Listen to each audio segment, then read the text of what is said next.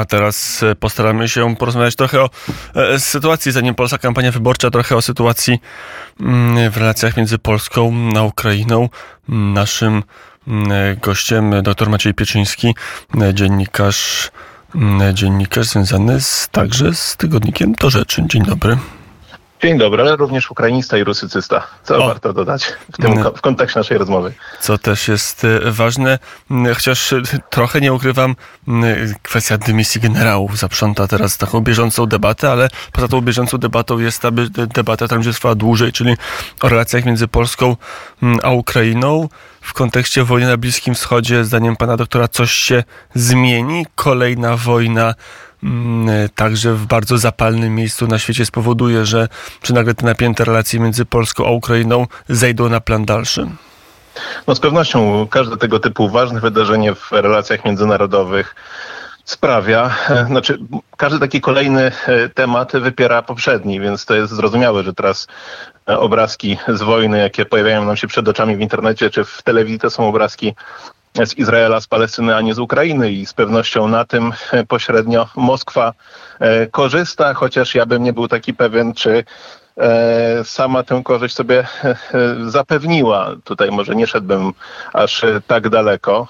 Zresztą nikt tego nie wie poza samą Moskwą, czy na ile, na ile Rosja tutaj, na ile tutaj można znaleźć rękę Moskwy, której które z pewnością na Kremlu otwierają szampana, tak? No z tego powodu, że jednak świat trochę odwraca wzrok, wzrok E, od Ukrainy i kieruje tenże wzrok e, na Bliski Wschód. A jeśli chodzi o relacje polsko-ukraińskie, no ciężko powiedzieć, czy tutaj e, będzie to miało jakiś bezpośredni wpływ. Myślę, że raczej wybory, że tutaj Ukraińcy liczą na to, że wybory w Polsce wpłyną na zmianę stosunku Warszawy do Kijowa i Warszawa złagodzi, mówię teraz z perspektywy Kijowa, tak? Warszawa złagodzi swoją politykę wobec Kijowa. Myślę, że raczej to jest, no oczywiście z też z innej strony Ukraina obawia się, że e, świat e, przekieruje e, swoje zainteresowanie na Bliski Wschód i też jeśli chodzi o pomoc wojskową ewentualną, no i generalnie uwagę, tak, no zawsze ta uwaga mediów pomagała Ukrainie od samego początku i też medialność Wołodymyra Załańskiego, więc z jednej strony Ukraina z pewnością obawia się tego, te, tej kwestii właśnie, że tutaj Izrael będzie ważniejszy, kwestia Izraela i Palestyny będzie ważniejsza niż kwestia Ukrainy, ale jeśli chodzi o relacje z Polską, to tutaj przede wszystkim wybory mają wpływ. Mm, e, I, I to jest tak, że te wybory za chwilę przejdą i co będzie potem? Miną wybory i, i, nagle, i nagle jak my możemy mamy dalej e, z Kijowem rozmawiać? Coraz częstsze są głosy, także wśród tych, którzy bardzo liczyli na porozumienie mm, z Ukrainą, no że teraz już tylko nam pozostaje polityka czysto transakcyjna. Coś za coś. Zdecydowanie. Myślę, że taką politykę transakcyjną myśmy, my powinniśmy prowadzić od samego początku. Myślę, że to był błąd polskiej dyplomacji, że nastawiła się na takie bezwarunkowe, e, bezwarunk totalnie bezwarunkowe popieranie Ukrainy. Ja nie mówię, powinniśmy pomagać e, Ukrainie, to jest nasz interes, ale my zapomnieliśmy o takiej jednej bardzo istotnej rzeczy, moim skromnym zdaniem, e, że to przede wszystkim Ukraina walczy o swoją, nie walczy o naszą niepodległość, nie walczy o naszą wolność, tylko o swoją niepodległość i swoją wolność i my mamy z tego interes, tak? No bo chcemy chcemy graniczyć z Ukrainą, a nie z Rosją. I my od samego początku, znaczy my, ja mówię raczej o polskich władzach, no bo to, że Polacy otwierają serca i drzwi dla uchodźców z Ukrainy, to jest naturalne, to jest oczywiste i to jest ze wszechmiar godne, godne pochwały, ale władza i władza też powinna, że tak powiem, w swoich publicznych wypowiedziach e, jak najbardziej popierać Ukrainę, powinniśmy wysyłać tam broń i tak dalej, i tak dalej, ale po cichu, w zaciszach gabinetów polscy politycy powinni dawać bardzo jasno do zrozumienia, nie dawać do zrozumienia, po prostu prowadzić politykę transakcyjną, mówić e, ukraińskim partnerom, że my wam pomagamy, my wam będziemy pomagać, no ale chcielibyśmy mieć coś w zamian za to i nie tylko waszą niepodległość, bo o waszą niepodległość wy sami się martwicie i bardzo dobrze, ale chcemy mieć też jakieś konkretne e, dywidendy z tego tytułu. Nie ma w tym absolutnie nic e, zdrożnego. A co będzie po wyborach? No to zobaczymy, dlatego że no na co, może warto powiedzieć, na co liczy Ukraina. Ukraina liczy na to, że tak, no jeśli wygra PiS, to po wyborach będzie mógł pójść na jakiś kompromis, no bo teraz wiadomo, wiadomo, musi się oglądać na prawicowych wyborców, rywalizuje z Konfederacją, musi prężyć patriotyczne muskuły, tak? Twierdzą Ukraińcy. No oby nie mieli racji, oby jednak, no przypuśćmy przy założeniu, że będzie kontynuacja władzy nad Wisłą, no to, że ta władza będzie prowadziła politykę transakcyjną i będzie odpuszczać. To absolutnie nie ma prowadzić takiej polityki jak Orban, tak? Ale że będzie też dbać mocno e, o polski interes narodowy, a nie, a nie tylko o te jego elementy, które są totalnie tożsame z interesem Ukrainy, no bo to nie jest wszystko. Powstrzymanie Rosji to nie jest wszystko. E, więc, więc myślę, mam nadzieję, że, że ta polityka e, się nie zmieni, czy że dalej będziemy tacy asertywni, jak w tej chwili mniej więcej jesteśmy asertywni, no ale Ukraina liczy tak, że właśnie albo PiS po wyborach ewentualnie zwycięskich, no już nie będzie musiał się oglądać na prawicowy elektorat i, i zmięknie, mówiąc kolokwialnie, no albo jak przyjdzie do władzy e, Koalicja Obywatelska, no to wiadomo, e, Koalicja Obywatelska absolutnie nie musi się tutaj oglądać na taki bardziej patriotyczny czy prawicowy elektorat, więc ona może ustępować i wyborcy będą zadowoleni, że, że, że Platforma e, stoi po stronie Kijowa, a nie Moskwy, więc a poza tym inna sprawa, wiadomo, sojusz Kijowa z Berlinem i wiadomo też, jakie są relacje Donalda Tuska z, z Niemcami. To są dobre relacje, e, mówiąc naj, najoględniej. Więc e, no też, no też cała ta awantura o zboże i taka ostra reakcja Ukrainy, myślę, że też była podyktowana tym, to też był jakiś mm, no nie wiem na ile sformalizowany układ, ale na pewno takie, taka wspólnota interesów między Niemcami a Ukrainą że no, e, e, nie pozwolimy Polakom blokować dalej zboża, nie pozwolimy na to embargo, będziemy rzucać kłody pod nogi, może PiS przegra i wtedy do władzy przyjdzie opcja, która nie będzie stawiać, która nie będzie musiała e, w ogóle Mm, która nie będzie się domagać od nas niczego w sprawie Wołynia, mówię tutaj o Ukraińcach, tak, nie będzie się domagać niczego w sprawie Wołynia, nie będzie blokować naszego zboża i generalnie będzie prowadzić politykę bardziej proukraińską, jednocześnie też bardzo pro, bardziej proniemiecką, e, bardziej prounijną, więc wszyscy będą zadowoleni, tak, i, i, i na to myślę, że Ukraińcy e, liczą. Mm, to pytanie, mm, czy może się przeliczą, bo jednak w obecnej sytuacji no, no, trudno patrzeć na jakieś bardzo Mm, nastroje, które byłyby przychylne rządom w Kijowie. No może poza Platformą Obywatelską, to rzeczywiście chciałaby do takiej polityki no, bez żadnych wymagań wobec Kijowa przystąpić. Tak, no w zasadzie to nawet e, Platforma no, też jakoś głośno nie mówi o tym, że powinniśmy ustępować Ukrainie, ale wiadomo, że Platforma jakby bardziej sobie może pozwolić na ustępowanie Ukrainie niż PiS i bardziej może sobie pozwolić na mówienie o ustępowaniu, na obietnice e, takie bardziej proukraińskie, no ale nastroje rzeczywiście, to, to, to jest prawda, że nastroje stają się powoli, no nawet antyukraińskie e, z pewnych, no ze względów, ze względów naprawdę no, oczywistych, tak, no Ukraina zasłużyła sobie na to, żeby te sympatie proukraińskie nad Wisłą spadły, żeby, żeby stały się y, coraz, stawały się coraz bardziej antyukraińskie. Y, więc no, rzeczywiście może się przeliczyć, ale może się też przeliczyć, to znaczy to jest też kwestia do dyskusji, na ile by się przeliczyła, jeśli chodzi o Niemcy. No bo oczywiście Ukraina może myśleć tak, no dobrze, no nawet jeśli Platforma e, będzie się, e, będzie wobec nas asertywna, no to przecież i tak o wszystkim będzie decydował Berlin.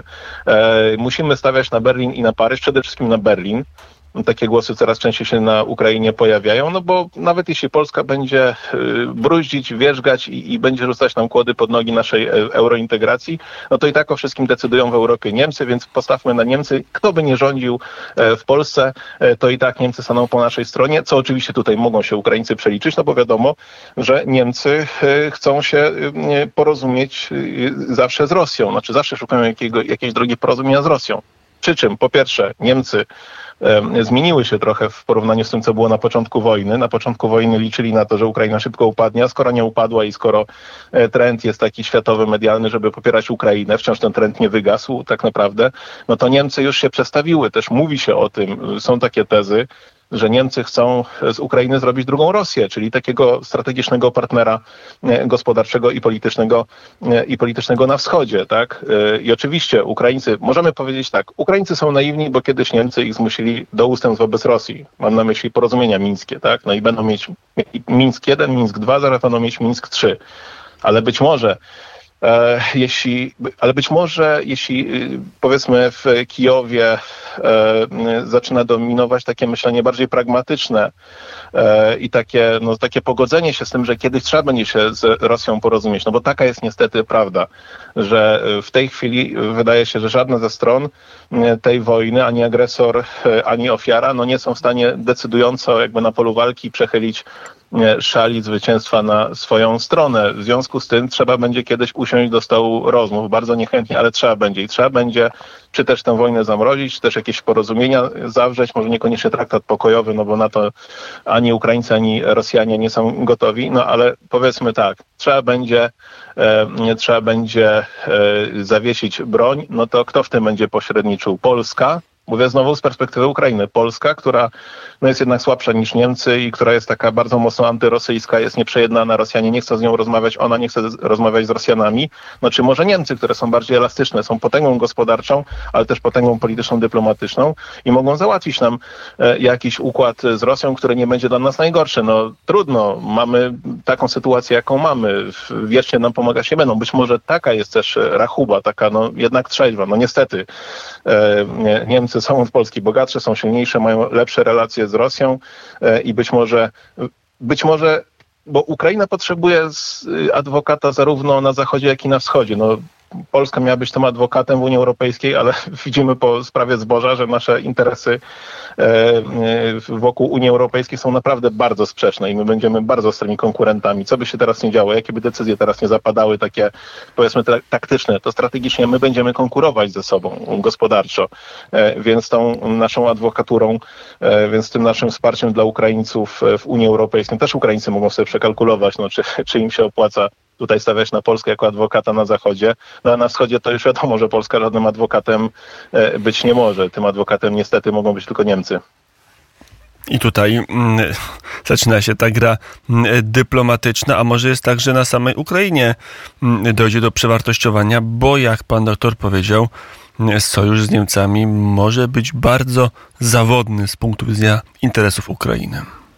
Znaczy, myślę, że jednak y, większość klasy politycznej Ukrainy, znaczy to jest tak, myślę, że klasa polityczna ukraińska jednak skłania się ku temu sojuszowi z Niemcami, no bo popatrzmy, generalnie było tak, na początku wojny ekipa Załęckiego bardzo ostro krytykowała Niemcy, no bo mieli za co, Niemcy e, albo nie wysyłali broni, albo się spóźniali z wysyłaniem broni, albo nie chcieli tej broni wysyłać, E, I pamiętamy, no już teraz mało kto może to pamięta, ale warto, warto przypomnieć, że ambasador Ukrainy w, w Berlinie, Andrii Melnyk, e, bardzo ostro atakował. Zanim zaczął e, opowiadać bzdury o Banderze, no to ostro krytykował Niemców, więc, więc początkowo powiedzmy ta klasa rządząca była taka bardziej propolska, no ale Polska już zrobiła swoje. Teraz Niemcy, Niemcy nagle chcą jednak wspierać Ukrainę, więc skoro są silniejsi, no to Ukraińcy ciągną do Niemiec, do Niemców. No a jeśli chodzi, no to jeśli chodzi o władzę, tak, która jednak skłania się ku Niemcom, no a opozycja, a opo opozycja to taka e, powiedzmy liberalna, proeuropejska, ale też neobanderowska, bo to jest taki miks e, typowy na Ukrainie, czyli głównie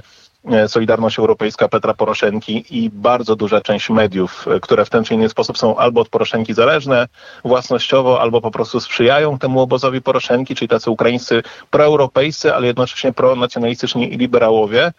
E, to e, oni już od dawna mówili o tym, że trzeba się orientować, no Niemcy e, i Francję, no generalnie na dalszy zachód, a nie na Polskę. Witali Portnykow, no taki znany publicysta, też czasami się wypowiada dla polskich mediów, no już od dawna postuluje, że no, słuchajcie, Ukraińcy, musimy się porozumieć z Niemcami i Francją, no bo to są potentaci, oni nam coś mogą załatwić, no a poza tym oni nie mają do nas żadnych e, pretensji, żadnych e, zatargów historycznych, no i są, e, są, są potęgą, także myślę, że no niestety jeśli chodzi o klasę polityczną, to ona jest, e, jest już, może ona nie jest antypolska, tak, e, tylko jest skręcona na ten dalszy zachód. Natomiast jeśli chodzi o publicystów, no tutaj mm, różne głosy się pojawiają. Jeśli chodzi o publicystów, komentatorów na Ukrainie, no to pojawiają się takie głosy, że e, powinniśmy jakoś się z Polską e, porozumieć. E, Maria Załkina jest taka e, publicystka, ekspertka ukraińska, która już kilka takich artykułów napisała,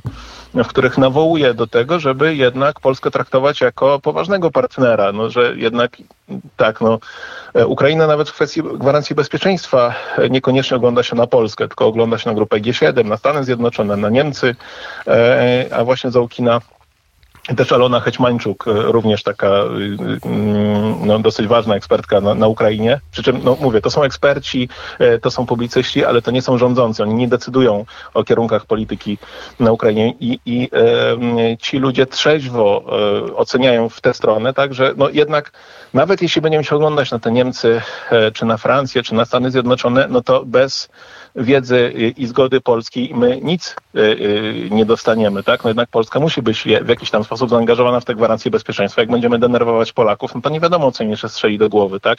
Musimy się z nimi e, porozumieć. Polacy są nam niezbędni.